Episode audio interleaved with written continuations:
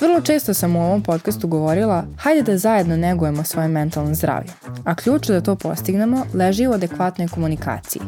U životu ste verovatno imali situacije kada do nekog konflikta sa ljudima dođe u stvari zbog loše iskomuniciranog problema ili događaja. Dobra komunikacija je izuzetno važna za razumevanje kako drugih tako i samih sebe, a ona se kao i druge stvari koje smo spominjali uči i vežba. Ja sam Jovana Gradež, a sa nama je Olivera Kovačević, master psihološkinja, porodična psihoterapeutkinja, kao i trener asertivne komunikacije i emocionalne pismenosti.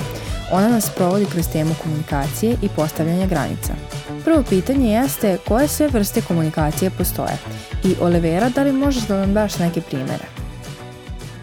postoje različiti načini koje mi možemo da komuniciramo u zavisnosti od toga u kojoj se situaciji nalazimo, šta očekujemo od te komunikacije, kakva je osoba preko puta nas, koliko nam ona znači. Znači, svega toga zavisi kako ćemo da komuniciramo. Ali ono što se susreće najčešće u literaturi jeste asertivna, agresivna i pasivna komunikacija Još nešto što često, posebno to možemo da vidimo ovako i, u okruženju i da čujemo, jeste ta pasivno-agresivna komunikacija. To vam je agresivnost koja je kulturna, u stvari. Tako malo ovaj, da se našalimo, ali jeste, to je to. I vrlo je često u kulturama gde se kritikuje burno izražavanje emocija i uopšte izražavanje emocija, pa je ovo nekako prikladnije. Izađi napolje. Što se tiče agresivne komunikacije, nju najčešće možemo da prepoznamo po tonu kojim neko priča i sad ja bih prvo rekla kakva je u stvari to komunikacija, da je to komunikacija gde mi branimo svoja prava, svoje emocije, branimo svoj integritet, ali bez poštovanja prava druge osobe koja je preko puta nas. Ono što je karakteristično za agresivnu komunikaciju jeste da mi njom zatvaramo bilo koji vid dalje priče i dolaženja do nekog rešenja, zato što ne dozvoljavamo prosto drugoj osobi da bilo šta kaže. Prosto zatvaramo taj kanal. Neki primer, eto, najčešći, odnosno koji sam ja mogla prvo da se setim, jeste, ne znam, kad roditelj kaže detetu nisi sredio sobu, i postavi pitanje i nastavlja, znala sam da nećeš jer si lenji neodgovoran. To je primer, prosto ne mora uopšte ni da se povisi ton, komunikacija se zatvara, prosto ne, ne postoji mogućnost da dete bilo što odgovori, bilo što da objasni. Ovaj, zbog toga je agresivno. I ono klasično, kad se nađemo negde u nekoj ustanovi pa sad uđemo, a pre nas je neko ušao, već postoji klijent, pa ono, izađi napolje. Mhm. Ne postoji uopšte objašnjenje, trenutno imamo nekoga, možete da sačekate još malo, to izađi napolje, isto agresivna komunikacija. Ovaj, naravno, ja sam to samo predložila, ali ovaj, ako vi tako kažete, tako će biti. Što se tiče pasivne komunikacije, kako nju možemo uopšte da, da ovaj prepoznamo, jeste takođe po tonu, po neverbalnoj komunikaciji, po ne znam, stavu tela, po nepostojanju kontakta očima, a po isprekidanim rečenicama. Ono što sam ja primetila da, i što sam uopšte ja imala nekad uh, u, u svom iskustvu jeste da kad se mladi neki kolega nađe u situaciji da dođe u neki kolektiv gde su starije kolege, kad treba da kaže svoje mišljenje, znam da počne rečenicu sa ovaj, možda ja nemam dovoljno iskustva u ovome, ali ja mislim Znači, samim tim što je počeo takvu rečenicu, to je već ovaj, pasivnost. Odnosno, poštujem vaše mišljenje, ali moje možda nije toliko važno. To je pasivno, to je pasivna neka komunikacija ili onako, ono ja ne bih želeo da te uvredim, ali ovaj, ne mogu sada da ti pomognem. Posle toga uvek sledi probijanje granica, ali molim te, ajde sad, ali je, znači to nije dovoljno jasno rečeno, to je pasivno. Kasim sa svojim delom, ali sam htela malo više da se potrudim oko ovog projekta, za razliku od vas. Što se tiče pasivno-agresivno, to je jako zanimljivo. Najčešće se koristi u poslovnom svetu, pasivno-agresivna komunikacija, to je onako da, da jedna komunikacija gde mi eh, prosto druga osoba nema prostora da se naljuti na nas, a čuje, odnosno oseti agresivnost. Prosto na tom verbalnom nivou je vrlo rečeno sve asertivno, mhm. ali ono što osjećamo je agresivnost. I vrlo pogodno tle za manipulaciju, mhm ajde sad da, da malo nešto kažem i u odbranu ljudi koji su navikli pasivno-agresivno da komuniciraju. Prosto to može biti navika, može biti i namerno. Ali može biti da su, da su ovi ti ljudi od detinstva naučili da na taj način dođu do, do onoga što žele, odnosno da im je, na primjer, u detinstvu bilo zabranjeno da iskazuju emocije, da su naučeni, ne znam, da pokazivanje emocija znači slabost, da znači da će neko da nas iskoristi, onda bolje da ne pokažemo, jel, da opet u razgovoru dominiramo i samim tim je to više vuče ka agresivnosti nego, nego ka bilo kakve asertivnosti. Imam i primer. Izvinite što kasnim, ali mislim da mi nećete zameriti jer kako sam primetila to je praksa kod vas. To je baš pasivna agresija. To je upućivanje kritike, ali i izbjegavanje odgovornosti. Poštujem sebe, a poštujem i tebe. Spomenula si na početku i asertivnu komunikaciju. Kakva je to komunikacija i koje su njene glavne karakteristike? može uopšteno da se kaže da je asertivna komunikacija svaka komunikacija gde, gde postoji aktivno slušanje i poštovanje kako našeg mišljenja, tako i tuđeg. Znači, ako ozbiljno shvatamo nas, naše potrebe, naše mišljenje, da isto tako shvatamo i mišljenje i potrebe osobe preko puta nas. To je asertivnost. Ono što, što je po definiciji, to je jasna, otvorena i iskrena komunikacija gde poštujemo potrebe i prava druge osobe kao i potrebe i prava nas samih.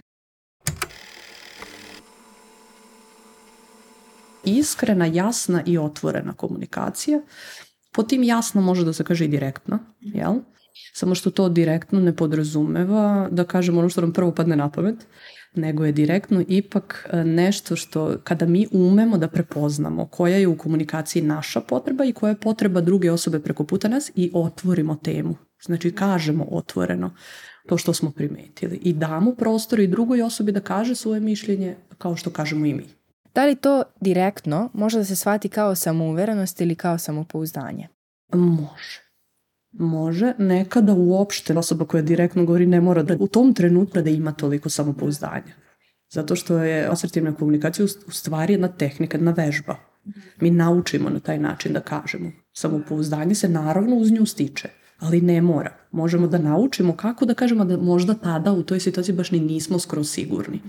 Ukratko, asertivna komunikacija je poštujem sebe i svoje potrebe, ali isto tako dajem prostora i drugoj osobi. Zašto je asertivna komunikacija, pored navedenih karakteristika, zapravo bitna? U suštini uvek kada prepoznajemo naše potrebe, prepoznajemo potrebe drugih ljudi, komunikacija je otvorenija, bliskost je veća. I onda su i odnosi u koje ulazimo, ako na taj način komuniciramo, mnogo čvršći, odnosno mnogo funkcionalniji. To je na prvo mesto. Osim toga da ovaj, kad neko komunicira asertivno često može da se čuje ono ja znam na čemu sam sa njim. To je zato što prosto čuju, čuju i nameru, sve čuju. I potrebu i nameru i poštovanje i sve. U našem društvu je, nažalost, veliki broj ljudi naviknut na svaku vrstu komunikacije sem na asertivnu.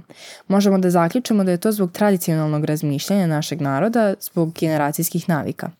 Asertivna komunikacija zahteva ulaganje u odnose sa drugima, rad na sebi i menjanje starih navika kako bi se postigla što bolja veza. Pasivnost komunikacije je nekako urođena u naše društvo i na nama je da to spoznamo, učimo, podižemo sve s ljudima oko nas jer kao što je Olivera rekla, odnosi u koje ulazimo ako na taj način komuniciramo, odnosno koristeći se asertivnom komunikacijom, mnogo su čvršći i funkcionalniji. Kada smo to rekli, odnosno spoznali, drugi korak je da naučimo kako zapravo da budemo asertivni, a u tome nam pomaže Olivera, trener asertivnosti. Prvo mora da postoji odluka da želimo da menjamo svoje odnose, način na koji komuniciramo, da prepoznamo potrebu za promenom da prepoznamo da nam je potreban neko stručan ko će nam pomoći u tome da otkrijemo koje su naše komunikacijske potrebe, koje su naše komunikacijski izazovi, koje su nam snage i da onda krenemo u tu jednu, što ja kažem, asertivnu filozofiju.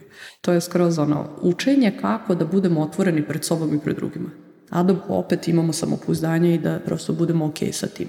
Tako da svakako stručno lice je tu da pomogne Kada nešto dobijemo kao informaciju, odnosno kao znanje, nikada ne može samo ta spoznaja da nam donese ništa novo, nego moramo da vežbamo, da prođemo kroz razne situacije gde nećemo uspeti, pa ćemo onda u nekim drugim situacijama opet uspeti, pa dobijemo samopouzdanje, pa kažemo dobro, ajde opet da probam, pa tako mislim. I evo, ja mogu da kažem za sebe i dan danas ja nisam uvek asertivna, prosto to, to ne, mo, ne može da bude.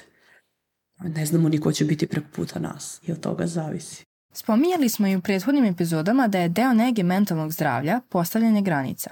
Zašto je to važno?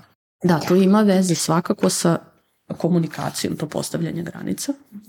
Važno je da ih postavimo, ali na taj način mi štitimo sebe, štitimo svoj integritet, podižemo samopouzdanje, odvajamo sebe od sredine u kojoj živimo, odnosno imamo neku svest o tome ko smo mi i šta mi mislimo o sebi od toga šta društvo misli, šta porodica misli o nama i što nam je sasvim ok, ali granica ovaj, kad se postavi onda nam je, onda smo prosto razdvojeni, napravili smo neku barijeru između ta dva sveta, kako da kažem. Ok, a kako te granice postavljamo? Prosto, postavljanje granice je isto kao i komunikacija. To je uvek jedna izazovna stvar. Mi se nalazimo u različitim, ne, ne prolazimo uvek kroz iste situacije u suštini i, i kako odrastamo i razvojni periodi su nam različiti, tako i nailazimo na nove situacije kroz koje nikada nismo ranije prošli. I sa drugim ljudima, tako da je i postavljanje granica u stvari jedan onako zahtevan posao. A ja! Ako se osvrnemo na odnos, ne znam, majka-dete, po prirodi stvari dete zavisi od majke, tako? Majka zadovoljava njegove potrebe. Sad e, možete da mislite koliko je važno, odnosno koliko je teško majci da shvati gde je tu granica, gde je to koliko ona treba da uradi, a gde već dete može samo. Naprimjer, to je isto jedna izazovna da. granica u tom smislu roditeljskom.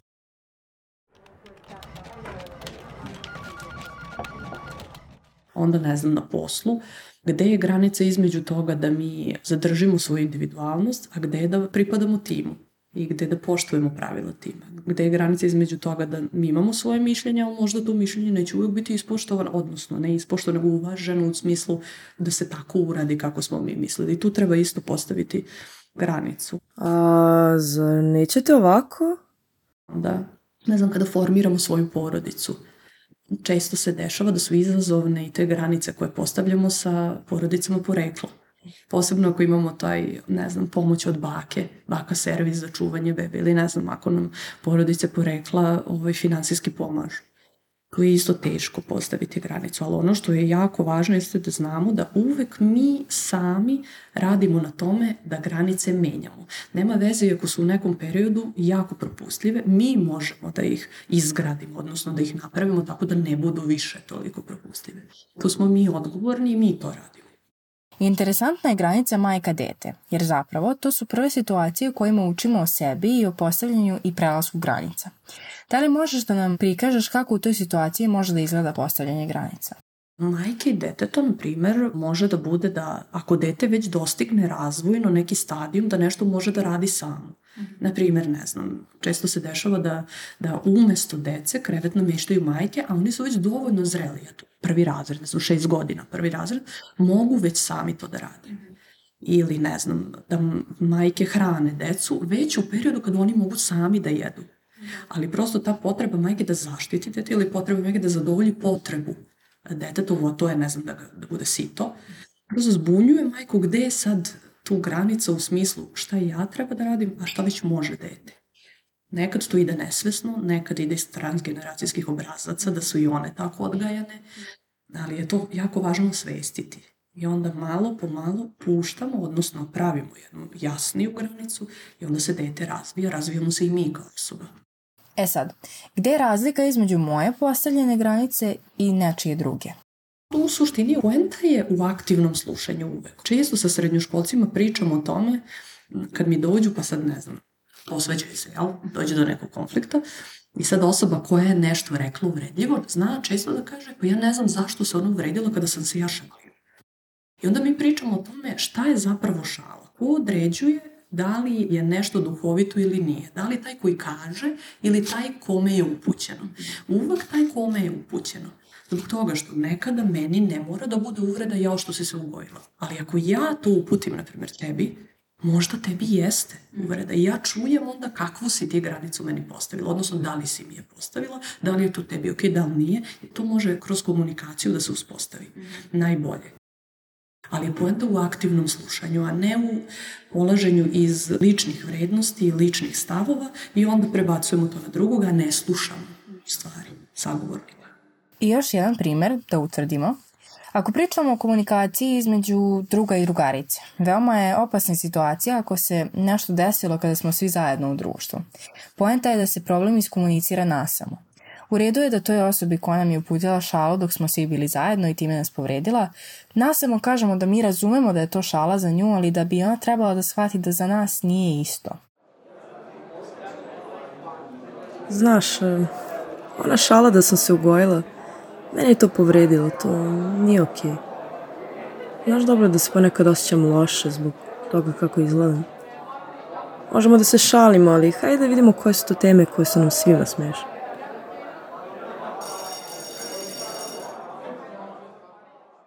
takođe da predložimo neko rešenje. U ovom primjeru je to recimo da se šalimo na način na koji nam oboma odgovara, da zajedno iskomuniciramo kako do toga da dođemo, naravno ako su obe strane zainteresovane za nastavak komunikacije i poboljšanje odnosa.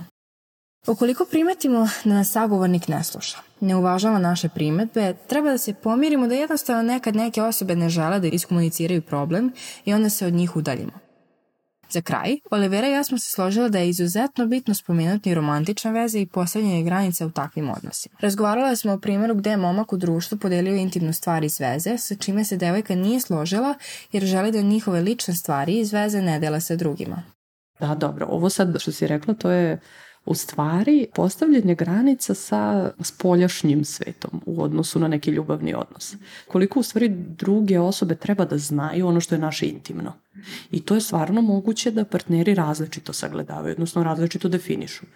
I sve što se dešava u jednom partnerskom odnosu može da se postigne, odnosno može da se može da se nađe neki kompromis, pošto smo svi različiti, komunikaciju, mhm. odnosno time što iskomuniciramo ono što mi mislimo, odnosno naša očekivanja. Ako, na primjer, ja očekujem da našu intimu znamo samo mi, niko više, mm -hmm. ja ću onda to tako pred... Odnosno, pokrenem temu sa svojim partnerom o tome ne znam, o situaciji koja se desila u društvu, pa sad zašto je. Znači, bez, mislim da je tu jako važno ne napadati, nego razumeti. Mm -hmm. I pitati uvek pitati zašto je njemu bilo važno da on to kaže. Zašto je njemu bilo važno da on to kaže. I onda ćete čuti uvek.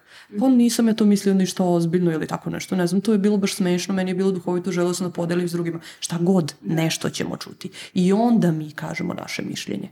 Dobro, okej, okay, razumem da je to tebi bilo ovaj, zanimljivo, smešno, ali meni se to ne sviđa. Ja ne volim da našu intimu delimo sa drugima može, onda date neki predlog. Pa ne znam, ok da pričamo o nečemu što je bilo generalno ovako sa društvom, ali to što se dešava između nas, ja baš ne volim da pričam. Da li ti je ok da to ne pričamo sa drugim? Znači uvek pitate.